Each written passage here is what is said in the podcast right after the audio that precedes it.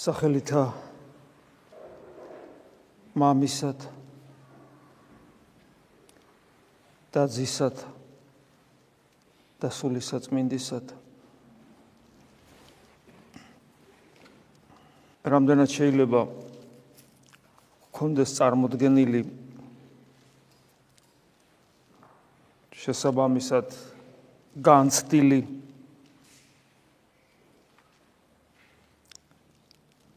და კლავ კიდევ ამის შესაბამისად პასუხისგებლობის გზნობა გაჩენილი. იმასთან დაკავშირებით თუ როგორ ზრუნავს სამყაროს შემოქმედი ჩვენზე.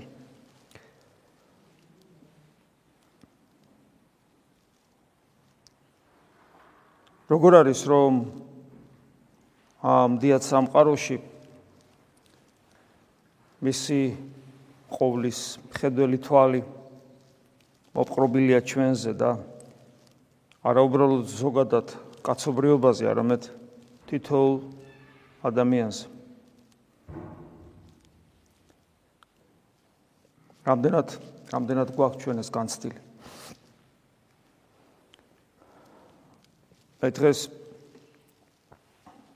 სახარებაში ძალიან საინტერესო სიუჟეტია მოციქულების გამორჩევას წინ რა უძღვის. მოციქულების გამორჩევამდე უფალი მაღალმთაზე ადის განმარტოვდება და ზეციური მამის წინაშე ლოცულობს. წინა მომებთან ხშირად ნახავთ ესეთ სიტყვას, რომ ამას აკეთებს ყოველთვის ჩვენს ჩვენს დასანახავად. ჩვენთვის ჩვენ რო გვასწავლოს მაგალითად რომ ყოველი მნიშვნელოვანი საქმის წინ უნდა ვლოცულობდეთ. ესეთი განმარტება რა თქმა უნდა სწორია, მაგრამ არსებობს კიდევ უფრო სიღრმისეულიც. როგორც ადამიანი როგორც ადამიანსაც მას ასე რო ვთქვათ, ის როგორც ადამიანი ცალკე ხო არ არის ის პიროვნება ღვთაებრივი წეხვთვისა. მაგრამ როგორც ადამიანი გვასწავლის ჩვენ როგორ უნდა ვცხოვრობდეთ? პირადი მაგალითით. მაგრამ კიდევ უფრო სიღრმისეულათაც შეიძლება ეს დავინახოთ. ჩვენ გვითხოვს ხშირად რომ ყოვლადწმინდა სამების შიდა ცხოვრების მესაიდუმლე გაგხვდა ჩვენ ღვთის განკაცება. ჩვენ ვიცით იოანეს ახარებაში როგორ ევედრება ზეციურ მამას ეს არის მე-17 თავი. როგორ ებედრება იესო ქრისტე, როგორ ესაუბრება იესო ქრისტე ძეხვთისა мама ღმერთს ჩვენთვის, ჩვენ შესახებ თუ როგორ უნდა გადავრჩეთ, როგორ უნდა ვცხონდეთ და ამ ლოცვას მეოხებიდან გამომდინარე რომ მეოხიეროა ჩვენი ძეხვთისა мама ღმერთის წინაშე სანღუდელმთავრო ლოცვა ქვია, ამიტომ ესეთი საფრთხისმოწყალო ტერმინია გამლოცვას განმარტება სახელწოდება ანუ ყოვლადწმინდა სამების შიდა ცხოვრების ერთ-ერთი უმნიშვნელოვანესი საკითხი, მოდი ასე ვთქვათ, თემა, რაღაცნაირად ცოტა რთულია, ხმერცე საუბარი. ჩვენ ვართ ადამიანები, ჩვენ შესახებ საუბრობენ. ისე როგორც წმინდა წერილში ჩანს, რომ როცა ადამიანს ქმნის მოდი ვქმნათ კაცი ხატა და მსგავსად ჩვენის. ვქმნათ, ანუ აქაც ჩანს ბჭობა ყოვლა წმინდა სამების. რომ ადამიანის შექმნან. და ესეთი რამე სხვაგან არ არის სხვა ქმნილებებს რო ქმნის იქ არ არის ესე ადამიანთან დაკავშირებით არის. ბჭობა თავისუფალი არსების შექმნის შესახებ. და ამით მინიშნება ჩვენზე. ეს ხო ჩვენთვის დაიწერა მე ხო? როცა მოსე შედის ქორების მთაზე მაყლოვანში რო ეცხადება ის ხილულია ყველაფერი. ალმოდებული მაყულის ბუჩქი რომელიც არ იწვის და ამით მოსე ხვდება რომ ჩვეულებრივი ცეცხლი არ არის. რომ მაყულის ბუჩქი უნდა დაიწვას ეს აბრიალდება დაიწובה მაგრამ არ იწვის მაგრამ ცეცხლი უკიდია. და მე გამოცხადება აქვს ისაგან გახსოვთ. სადაც მე დაავალებს რომ წავიდეს ეგვიპტეში და თავისი ერი გამოიყვანოს. მაგრამ აი როცა ქორების თაზე როცა უკვე გამოიყვანს ეს და ქორების თაზე ადის, ქორების თაზე შედის ღვთაებრივ ქართულად ცოტა ცუდა ჯღერს, მაგრამ აბა სხვა სიტყვა არ ვიცი, რავი ხმა გამოვიყენო, ღვთაებრივ სიბნელეში, ანუ ღვთაებრივ საიდუმლოებაში შედის. 40 დღის განმავლობაში იმყოფება იქ. იქ მიიღებს თელს ჯულს, გამოცხადებას, იქ გაიგებს მოსე როგორ შეიქმნა სამყარო. ყველაფერს იქ გაიგებს და მეორე დაწერს ამას.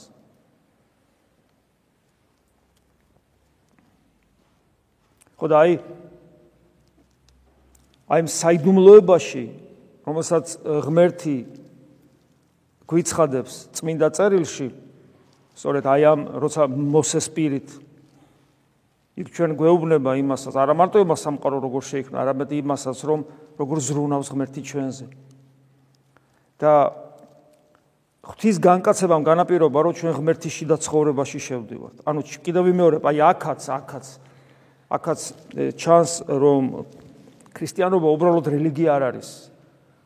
იმ გაგებით რა რელიგიებიც არსებობს, რომ რელიგია როგორ არ არის ღმერთთან კავშირის აღდგენა, მაგრამ იმ გაგებით არა, რასაც რელიგიები ქვია საერთოდ. და რელიგიები რას ქვია, რომ არის სამყაროს შემოქმედი, ან ცოცხალი, ან რაღაც ენერგეტიკა და უნდა ის ცხოვროს სწორად, რომ ემად რამე არ დაგემართოს. თავი და ბოლო ეს არის სულ.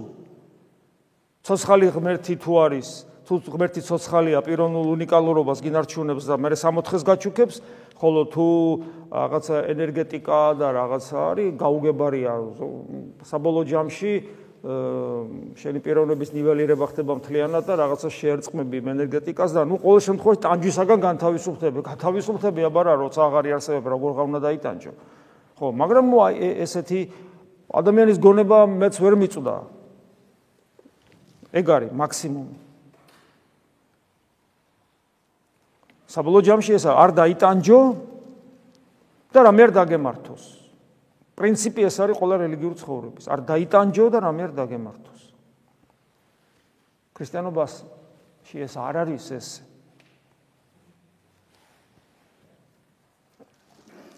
ქრისტიანობაში განსაცვიფრებელი რამ ხდება? ღმერთის შიდა ცხოვრებაში იხედები. ღმერთის შიდა ცხოვრების მესაიდუმლე ხდები. ძე მამას რაზე ესაუბრება შენ შესახებ ამას იგებ გამოცხადებით რაც გვიწერია გამოცხადებით ძე რაზე ესაუბრება მამას? ძე ადამიანად რომ მოდის ძმას გიწოდებს მოწაფეს გიწოდებს და გეუბნება რომ შვილი ხარ ღვთისა. და გეუბნება რომ მე მნებავს რომ სადაც მე ვარ შენც იქ იყო და სად არის? ძე ღმერთი ყულასმიდა სამების წიახშია და შენც იქ უნდა იყო. ჩვენთვის სამოთხე ჩვენი მარადიული სამყოფელი ჩვენი სამშობლო რაღაცა ადგილი კი არ არის სადაც ჩვენ რომელიც ჩვენ გვაჩუქეს ჩვენი კარგად მოქცევის გამო და კაი ბიჭობის გამო არამედ თავად ღმერთია. ეს რა არის არ ვიცით მაგრამ აი ეს არის ქრისტიანობა. და აი დღესაც დღევანდელ სახარებაშიც ერთი არა თქმა უნდა ზნეობრივი მაგალითი რომ რამესოს აკეთებს ყოველი საქმის წინ და დადგე და ილოცო. რა თქმა უნდა ეს ხო ვიცით? აბა აბა ისე როგორ უნდა იცხოვრო თუ მორწმუნე ხარ მორწმუნე ლოცულობს ყოველი საქმის წინ ეს ქრისტიანებაც იციან და ყველა მიცის მაგრამ არის მეორე მხარე როგორც გითხარით ლოცულობს ზეციური მამის წინაშე აი როგორც იქ მე-17 თავი იოანეს ახარებისა სამღვდელთარო ლოცვა რასაც ქვია გეციმანის ბაღის ლოცვა. აქაც ძე ელაპარაკება მამას ჩვენ შესახებ. ანუ იმათ შესახებ, ვინც მოწაფეებად უნდა გამოირჩიოს. მე სხვა ადგილას გვეტყვის ჩვენ უფალი რომ ვერავინ მოვა ჩემთან თუ მამამ არ მოიყვანა. აი როცა ჩვენ წუხვართ რომ ვიღაცას ნუ ვერ გავაგებინეთ რომ ირწმუნოს და ქრისტე რო ღმერთია ვერაფრით ვერ ანუ რა ქართულ კულტურაში რომ ცხოვრობს ქართულ კულტურულ სივრცეში რომელიც ქრისტიანულია აქ ეხლა ყველა იძახის მე ქრისტიანი ვარ მაგრამ სინამდვილეში სინამდვილეში საქმე საქმეზე რომ იდგება ქრისტიანები არ არიან ეს ადამიანები ვინც იესო ქრისტეს თავის პირად მეფედ არ აღიარებენ ეს არის ნათლობის აღთქმა შეუდგები ქრისტესა შეუდგები წამს იგი მე სანამ მოინათლება ადამიანი ღვდელი ეკითხება შეუდგები, ანუ გაყვები, გავყვები. გწამს იგი, მწამს იგი ვითარცა მეფე და ღმერთი. რატო მარტო ღმერთი არა? ცოტა თუ რა არის, ღმერთზე მეტი რა ღმერთს რაღა დამატება ჭირდება. ის დამატება ჭირდება, რომ ღმერთი კი არის, მაგრამ შენი მეფეც არის, ანუ შენ მისი სამეფოს მოქალაქე ქვე შემრდომი ხარ. მოქალაქე ხარ ზეციური სასუფეულისა. შენ მას ემორჩილები, შენ მას უჯერებ, შენ მისი მიმდევარი ხარ. მე დაგიზუსტებს, გეტყვის, ეს ყველაფერი რას ნიშნავს? რომ შენ მისი შვილიც უნდა იყოს, მისი მეგობარიც უნდა იყოს, მისი მოწაფეც, ანუ საქმის გამგზელებელიც, ძმაც, დაც. ეს არის რწმენა და ადამიანი ვერაფრით რო ვერ ხდება მორწმუნა, იმიტომ რომ ერთ-ერთი ერთ-ერთი მიზეზი, ერთ-ერთი მიზეზი არის ის, რომ მისი გული დახურულია მამის ხელისთვის. კიდევ მე რომ უფალი ამბობს, ვერამინ მოვა ჩემთან თუ მამამ არ მოიყვანა, არ მოუყვანია, არ არ მიაყვანინა თავი მამას ქრისტესთან. და აი დღესაც როცა ლოცულობს და მე მოწაფეებს გამოარჩევს ლოცვის მე, ამით გვეუბნება რომ თქვენ რომლებიც ჩემი მოწაფეები ხართ, მამამ მოგიყვანათ ჩემთან. 12 მოციქულს არ ეხება ეს მარტო. იმიტომ რომ მე სხვაგან იტყვის წმინდა წერილში უფალი რომ თქვენ ჩემი მოწაფეები ხართ. ვინ თქვენ? ვინ? ვინ თქვენ? სულ ყველა, ყველა ჩვენ მისი მოწაფეები ვართ.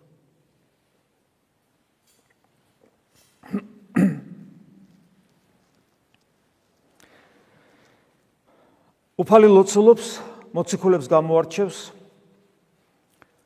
და მე მათთან ერთად ჩამოდის თიდან ეშმაკებს განაგდებს ადამიანებისაგან და ნუ გიკვირთ რომ შეიძლება ადამიანი კითხულობს ახლა. წმინდა წერილს და აუ მაშინ რამდენი ეშმაკები არსებობდნენ ადამიანებში და ახლა ასე არ არის. დამერწმუნოთ ახლა უარეს მდგომარეობა. ახლა ისეთი მდგომარეობაა რომ მე ადრეს გითხარით ეშმაკიც აღარ ჭირდება ადამიანს. ყველა ჯიბეში უდევს smartphone რომელიც ეშმაკის როლს ასრულებს. იმდენი სიბინძურე იღურება მისგან. როცა ადამიანს არ აქვს კონტროლის უნარი, ზნეობრივი მუხრუჭები და განსაკუთრებულად ეს ახალგაზრდებს არ აქვს და ჩვენ თვალწინ იღუპებიან ახალგაზრდები, ჩვენი შვილები. არანაირი ეშმაკი აღარ ჭირდება დღეს სამყაროს. თვითონ თვით განადგურებას მისდევს.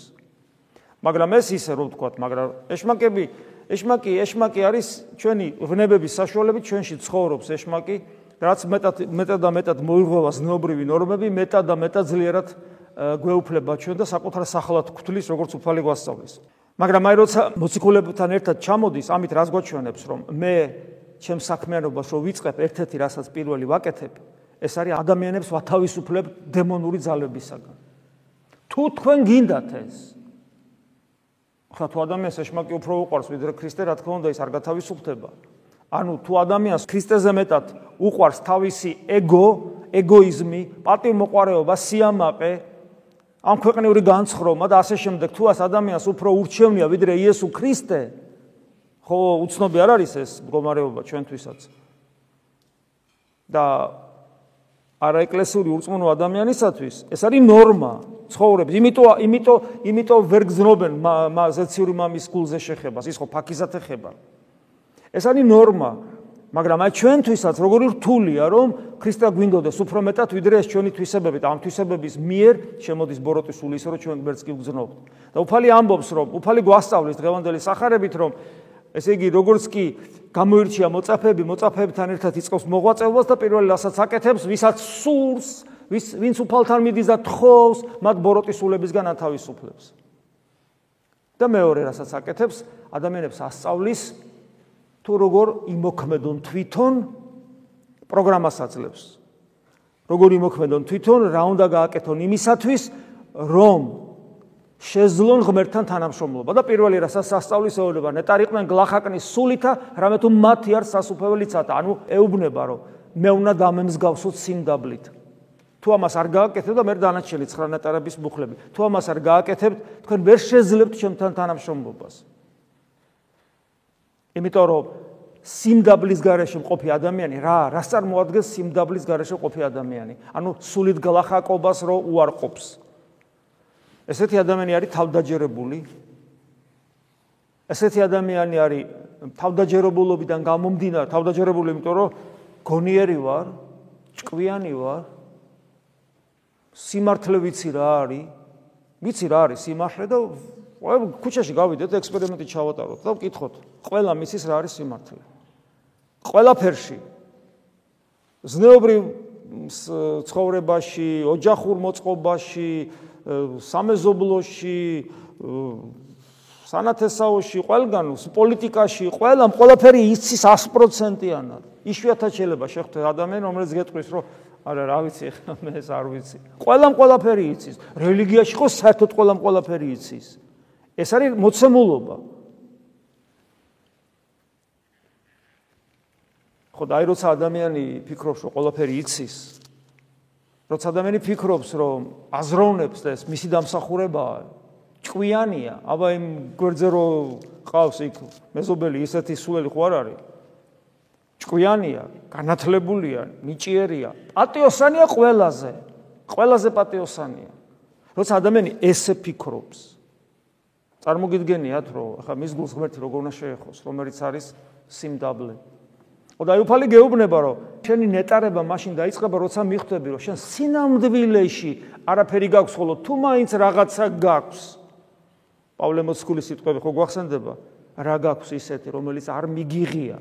და თუ მიგიღია, რატოღა იკვეხნი? აი ადამიანი, როცა გააცნობიერებს, რომ თვითონ თავისი დამსახურებით არაფერი აქვს, იმიტომ რომ სიცოცხლეც კი რა, შენ თვითონ გაჩდი თუ რა არის? შენ გადაწყვიტე რომ გაჩენილიყავი და გაჩდი? სიცოცხლეც კი რომ მან გაჩუქა, ანუ შენი რო შენი დამსახურებით რო არაფერი გაქვს ამას როგორც კი მიხვდები აქედან იწყება სული სიგლახაკი არაფერი მაქვს მე უფალო არაფერი. თუ მაინც ბონია რომ რაღაცას წარმოადგენს საფლავზე გადი და ნახეთ. რას წარმოადგენს ადამიანი რომ მოკვდება რა რჩება მისგან? სული ხორჩება ადამიანი იტყვის კი ეგოიზმით ანგარებით თავდაჯერებულობით პატიმოყარეობით სავსე სული და აი სული სიგლახაკე სული სიგლახაკე. არის პირველი, პირველი და აუცილებელი პირობა იმისა, რომ ადამიანმა დაიწყოს ღმერთთან თანამშრომლობა, ღმერთთან, რომელიც თავად არის სიმდაბლე, რომელიც მორჩილებით ცხოვრობს, აუცნაურია ღმერთი, რომელიც ცხოვრობს მორჩილებით. და ამით გვასწავლის, რომ აი ამით ვიწყებთ ჩვენ სულიერ ცხოვრებას.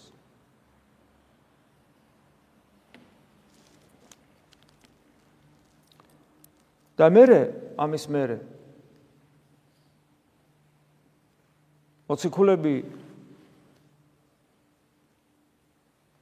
თავად ხდებიან მლოცველები და მაგალითნი დანარჩენი ადამიანების. ანუ ისინი ქრისტეს საქმეს აგზელებენ. პავლე მოციქულიც ხო იტყვის, მე მობაძავ ჩემ და იქვენეთ. და ეს ფაქტურად ყველა მოციქულს ეკუთვნის და მოციქულთა მოწაფეს და ასე შემდეგ.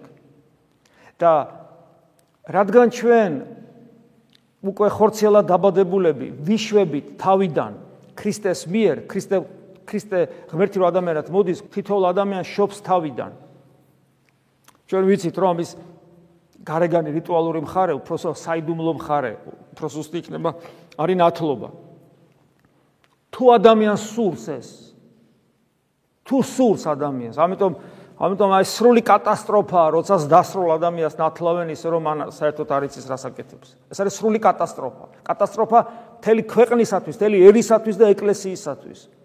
ეს არის რაღაც აი არ არ სიტყვებით არც კი მყოფნის სიტყვები როგორ დავახასიათო ადამიანი როცა ინათლებას დასრული მომზადების გარეშე მე არც კი ვიცი ამას რა უწოდო.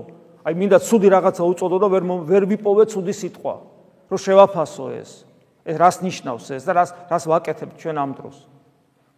როგორ შეიძლება, როგორ შეიძლება ადამიანი აღთქმას დებს, რომ შეუდგები ქრისტეს, რომ ის ჩემი მეფე გახდება ღმერთთან ერთად და არის ის რას ამბობს საერთოდ? და გულარხეინად შედის ამ საიდუმლოებაში. ხოლო როცა ადამიანმა იცის და შეგნებულად აკეთებს, ადამიანი ინათლება, ეს ნიშნავს იმას, რომ მეორედ იბადება ქრისტეს შვილი ხდება. სახთო მადლი შედის მასში და ის იწખებს განვითარებას მისი პიროვნება იწყებს განვითარებას ღვთაებრივი ენერგიებით. ენერგიებით, რომელიც არის ღმერთის, ძის, მამის და სულის. ყოლაწმინდა სამების ენერგიებით იწყებს განვითარებას. მაგრამ არა მარტო ქრისტეს შვილი ადამიანი ამ დროს. ადამიანი ამ დროს მარიამის შვილიც ხდება, ყოლაწმინდა ღვთისმშობლის. იმიტომ რომ იესო ქრისტე არის როგორც ღმერთი, მამიდან მამიდან იშვება და როგორც ადამიანი ღვთისმშობლიდან იშვება. და როცა შენ ქრისტეს სისხლს და ხორცს იღებ და ამით როცა ქრისტეს ეზიარები, ანუ უერთდები, მისი მისი სხეულის, მისი მისი მისი განღმრთობილი ბუნების, ადამიანური ბუნების გაგრძელება როცა ხდები, ბუნებრივია, რომ ძმა ხარ და დახარ ქრისტეს, ესე იგი შესაბამისად ღვთისმშობლის შვილი ხარ. ამიტომ არის დედა ღვთისა, ყოველას დედა, თითოეული ჩვენქანის დედა არის. და აი როცა ადამიანი იწყებს ღვთისშვილობას, ღვთისშვილობით ცხოვრებას იწყებს უკვე აი აქ დედამიწაზე. ამიტომ არის რომ ჩვენ თავის ეცაში გვაქვს უკვე. რომ ამიტომ ამბობს პავლე მოციქულო, ჩვენ უკვე დაგვხსნა ქრისტესთან ერთად მამამ ზეცაში უკვე, უკვე ესე ამბობს პავლე მოციქული. ეფესალთან მიმართ ეპისტოლეში. და ეს ყველაფერი გამთბარია საოცარი ადამიანური სიყვარულითაც, იმიტომ რომ ღვთისმშობლის შვილები ვართ ამავე დროს. რომელიც უკვე ზეცაშია, როგორც სულით, ისე ხორცით, მერვე დღის მიღმა, საშინელი სამჯაროს მიღმა. სრულყოფილი ადამიანია, სრული სისავსეა ეკლესიისა ღვთისმშობელი. როცა ადამიანი აი ამგვარი ცხოვრებით იწყებს ცხოვრებას, ის ხდება გადამცემი იმ ესტაფეტისა, რომელიც დაიწყო ძეგმერთიდან მოციქულებზე, მოციქულებიდან მათ მოწაფეებზე და ამ შემდეგ და მოვიდა ჩვენამდე და ჩვენც უნდა გადავცეთ. და ეს გადაცემა ხდება მადლის მიერ, საფრთხო ენერგიის მიერ. და ამას ჭირდება ზუსტად ის ლოცვა, რომელთაც იწყებს ეკლესიის, ახალი აღთქმის ეკლესიის ჩამოყალიბებას იწებს უფალი ლოცვით. აი მაგალითი ისევ ახაც გამოგვადგება, მისი მაგალითი. ამიტომ, როდესაც ჩვენ საუბრობთ ჩვენი სამშობლოს აღორძინებაზე, რომლის საზღვრები ემთხვევა ეკლესიის საზღვრებს. ეს ცალკე დიდებულება, ეს წყალობა, ყველა ქვეყანა ასე კი არ არის. მაგალითად, იაპონიის პოლიტიკური საზღვრები არ ემთხვევა იქ არსებული ეკლესიის საზღვრებს. იქ არის მართლმადიდებელი ეკლესია, მაგრამ არ ემთხვევა. ეხლა იაპონია უცებ ესე გამახსენდა. ეგრეა ძალიან ბევრი უმეტესობა უმეტესობა ქვეყნების ასია. და ძალიან მცირე ნაწილია ქვეყნები, სადაც პოლიტიკური საზღვრები ემთხვევა ეკლესიის საზღვრებს. ეს არის წყალობა ღვთისა. რატო? რას ნიშნავს? რატომ არის წყალობა? იმიტომ რომ ჩვენ ქრისტიანულ კულტურულ გარემოში ვიზდებით, ვიბადებით. ჩვენი ისტორია ასე იქმნება. ეს ძალიან დიდებული რამეა, ჩვენ გვეხმარება, ჩვენ უკვე ვიბადებით ეკლესიაში, შეიძლება ასე ითქვას. და ამიტომ თითოეული ჩვენგანი და მით უმეტეს როცა უკვე ცოცხალი ნაწილი ხდებით ეკლესიის აღსარებელი მაზიარებელნი ჩვენ გაცნობიერებული უნდა გქონდეს რომ ჩვენი სამშობლოს აღორძინება საქართველოს აღორძინება შეუძლებელია ეკლესიის აღორძინების გარეშე და პირიქით ეკლესიის აღორძინება შეუძლებელია სამშობლოს აღორძინების გარეშე ეკრა ეკლესიას ჭირდება ეროვნულობა და სახელმწიფოებრიობა ვიღაცა იტყვის არ ჭირდება აი მაგალითი რომის იმპერია ну ბიზანტია ну ბიზანტია უფრო ისეთი თანამედროვე ტერმინია რომის იმპერია ერქვა აღმოსავლეთ რომის იმპერია აღმოსავლეთ რომის იმპერია ანუ ბიზანტია და ეკლესია აი როგორც საქართველოს სახელმწიფოებრიობა და ეკლესია ერთმანეთს ემთხვეოდა ესე ემთხვეოდა იქაც ბიზანტიური კულტურა ქრისტიანული კულტურაა და სახელმწიფო ქრისტიანული და ასე შემდეგ და ეკლესიის ძლიერება იყო სახელმწიფო ძლიერება, სახელმწიფო ძლიერება იყო ეკლესიის ძლიერება. თავისი ხარვეზებით, რა თქმა უნდა, მაგრამ ნუ ამ ქვეყანაზე უხარვეზო არაფერია. აქ ჩვენ ბძოლაში ვართ. მაგრამ სახელმწიფო რო ვერ იქცეოდა ისე ბოლოს ა თავისი მოწოდების შესაბამისად იმ მოწოდების შესაბამისად იცხოვრეთ, რისთვისაც ხართ მოწოდებული პავლე მოციქული გვაფრთხილებს. აი, მოწოდების შესაბამისად რო არ ცხოვრობდა, ჩამოიშალა ბიზანტიის სახელმწიფო. მაგრამ ეკლესია არ გამქრალა. უცნაურია. ტრულ გარემოში არსებობს უკვე მრავალი საუკუნეა, საშინლად ტრულ გარემოში. ეხლა კიდე მაინც რაღაცა ევროპელობას ცდილობს ყველა და რაღაც ევროპული რაღაც ესეთი სამართლებრივი ნორმებით. წარმოგიდგენთ შუა საუკუნეები გამოიარეს. რა უნდა და ერთი პატარა ნაწილი ქრისტიანების განადგურებას. მე ჩემთვის ეს სასწაულია, რომ არასოდეს არ შეუწყვეტია კონსტანტინოპოლში ეკლესიას ფუნქციონირება და წირვალოცვა. ათონისტას არასოდეს არ შეუწყვეტია ფუნქციონირება. რომელიც აი აი ამ კტრულ გარემოში გარემოცვაში იყო. ხო საოცრებაა. ანუ ისე თქმა მინდა მე რომ ეკლესიის ძლიერება საქართველოსში სახელმწიფო ძლიერებაა, სახელმწიფო ძლიერება, ეკლესიის ძლიერება აქ ჩვენთან, მაგრამ თუ სახელმწიფო მაინც და მაინც ჩამორჩა, სულაც არ ნიშნავს, ეკლესია გაქრება. იქნება რაღაც რაოდენობრივად მცირე, მაგრამ იარსებებს. ამიტომ, მაგრამ ჩვენ თუ გვინდა, რომ ეს ყველაფერი აღორძინდეს, ჩვენ აი დღევანდელ სახარებაში გვაქვს მოცემული ეს ეს სქემა, მოდი ეს ტექნიკური ტერმინი რო ვიხმაროთ. ლოცვით იწება ყველაფრის აღორძინება. რა არის ლოცვა? ყველაზე მთავარი პრობლემა რაც არის ჩვენს ეკლესიაში დღეს.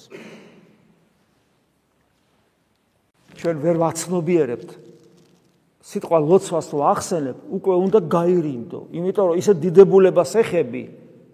ეს არის სამყაროს შემოქმედ თავისი სიდიადით საშინელ ღმერთთან კომუნიკაციის მცდელობა, პრეტენზია, სურვილი. ეხლა მე წავიდე ღმერთს უნდა ველაპარაკო. ვინ ვის უნდა ველაპარაკო? შენ ღმერთს როგორ უნდა ველაპარაკო?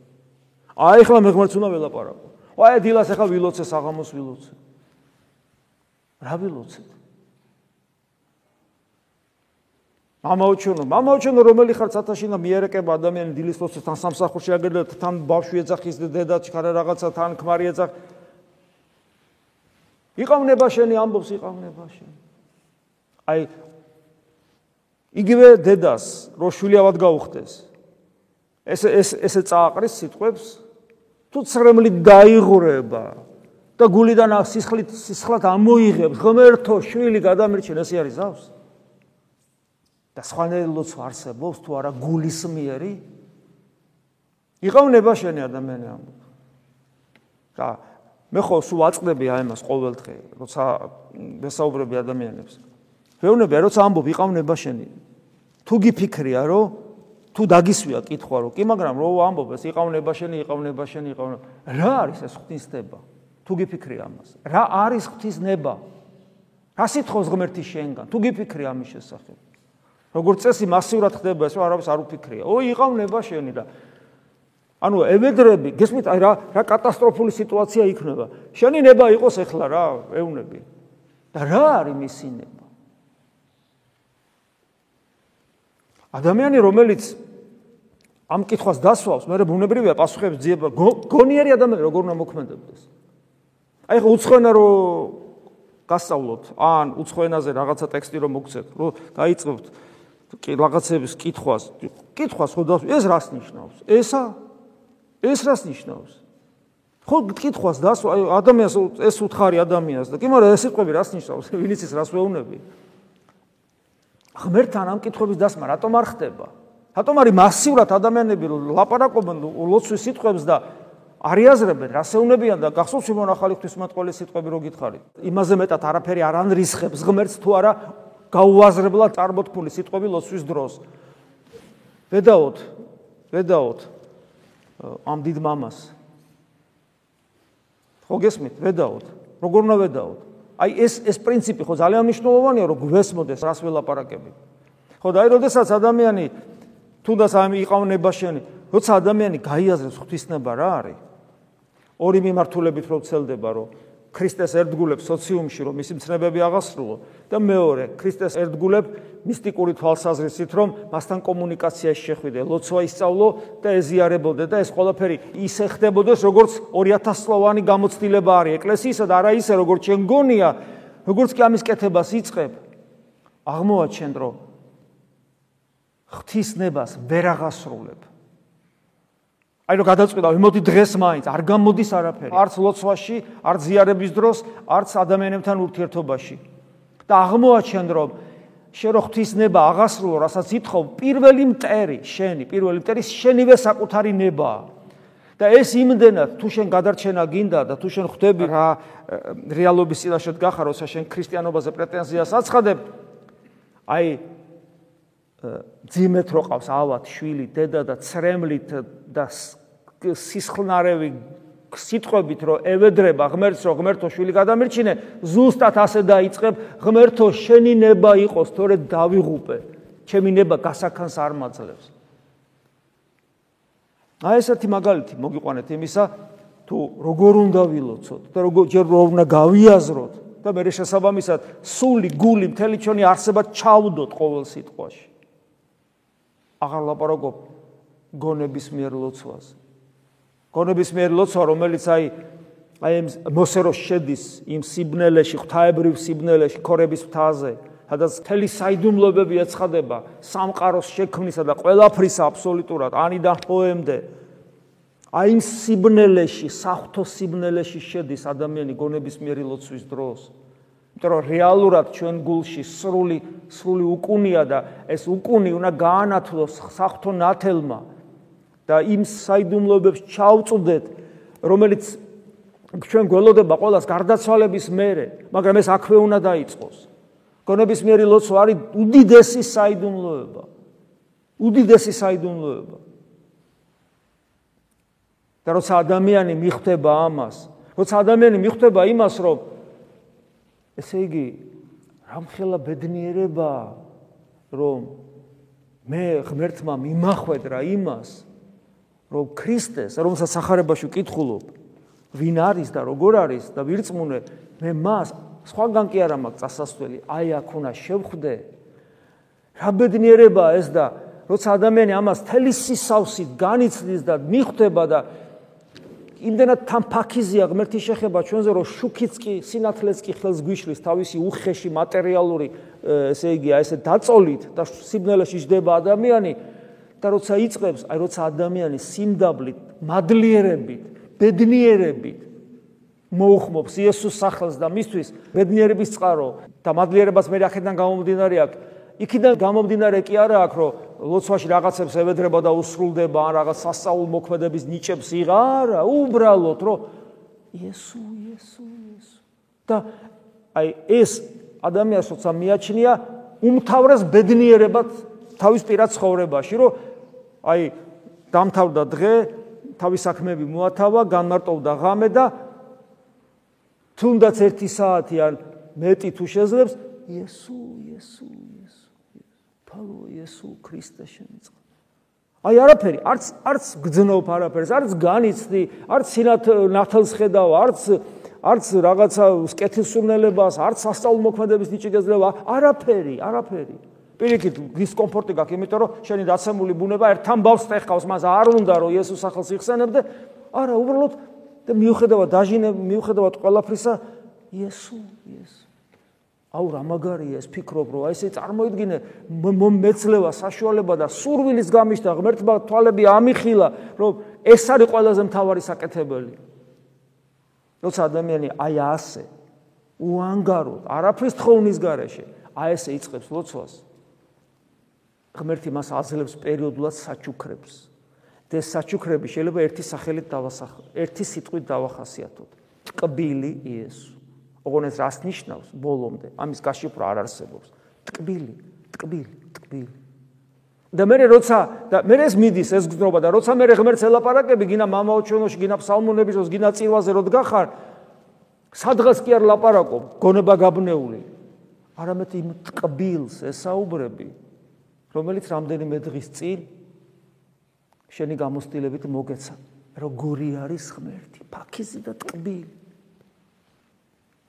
ეს არის გადამრჩენი ჩვენი სამშობლოსი და ჩვენი ეკლესიის მასში. ეს არის აღორძინების საფუძველთა საფუძველი. აღლაპარაკობ ჩემ ფანტაზიებს. დღეს ეს სახარებაში აღმოვიკითხეთ. უფალმა ესე დაიწყო და დაიწყო იმიტომ რომ მეც ესე დავიწყო შენც ესე დაიწყო. და როგორც ქრისტემ შობა თავის მოწაფეები, დღევანდელმა ეკლესიამაც უნდა შობოს თავისი მოწაფეები, იმიტომ რომ პავლე მოციქულია გვასწავლის ამას. მე ვარ თქვენი мама, იმიტომ რომ ქრისტეში გშობეთ მე თქვენ პავლე მოციქული ამბობს. აი როგორც ქრისტემ შობა თავისი მოწაფეები, პავლემ ასევე შობა თავისი მოწაფეები. რატომ? იმიტომ რომ პავლეში ის სულია რა სულიც ღმერთს ბუნებრივად აქვს. ღმერთს ბუნებრივად აქვს ის ენერგია, მადლი, რასაც ქვია, საფრთხო ენერგია. და პავლეს საჩუქრად აქვს. მაგრამ პავლეში ის სული მოქმედებს, რა სულიც ქრისტეში მოქმედებდა, როდესაც ეშმაკეულები განიკურნებოდნენ დემონური ძალებისგან თავისუფლებოდნენ ადამიანები და ასე შემდეგ. გესმით? იგივე საკეთებს პავლე, რასაც ქრისტე აკეთებდა. და ზოგ შემთხვევაში უფრო მეც საკეთებს, ვიდრე ქრისტე აკეთებდა, ესეც უფალმა თქვა. ზოგ ზოგ შემთხვევაში თქვენ ჩემზე მეც გააკეთებთ. რატო? იმიტომ რომ იგივე სულია და თუ საჭირო გახდა, მეკის გაკეთება მეც გააკეთებს. ამიტომაც იყო პეტრე მოციქული გამოდის ქადაგებს და 3000 კაცი მოექცევა. ერთი ქადაგებით. რამდენი მოწაფე ყავდა ქრისტეს თავიდან ბოლომდე? სულ 500 და პავლეს ერთი ქადაგებით 3000 ადამიანი მოექცა. რატომ? ესე ინება ღმერთმა.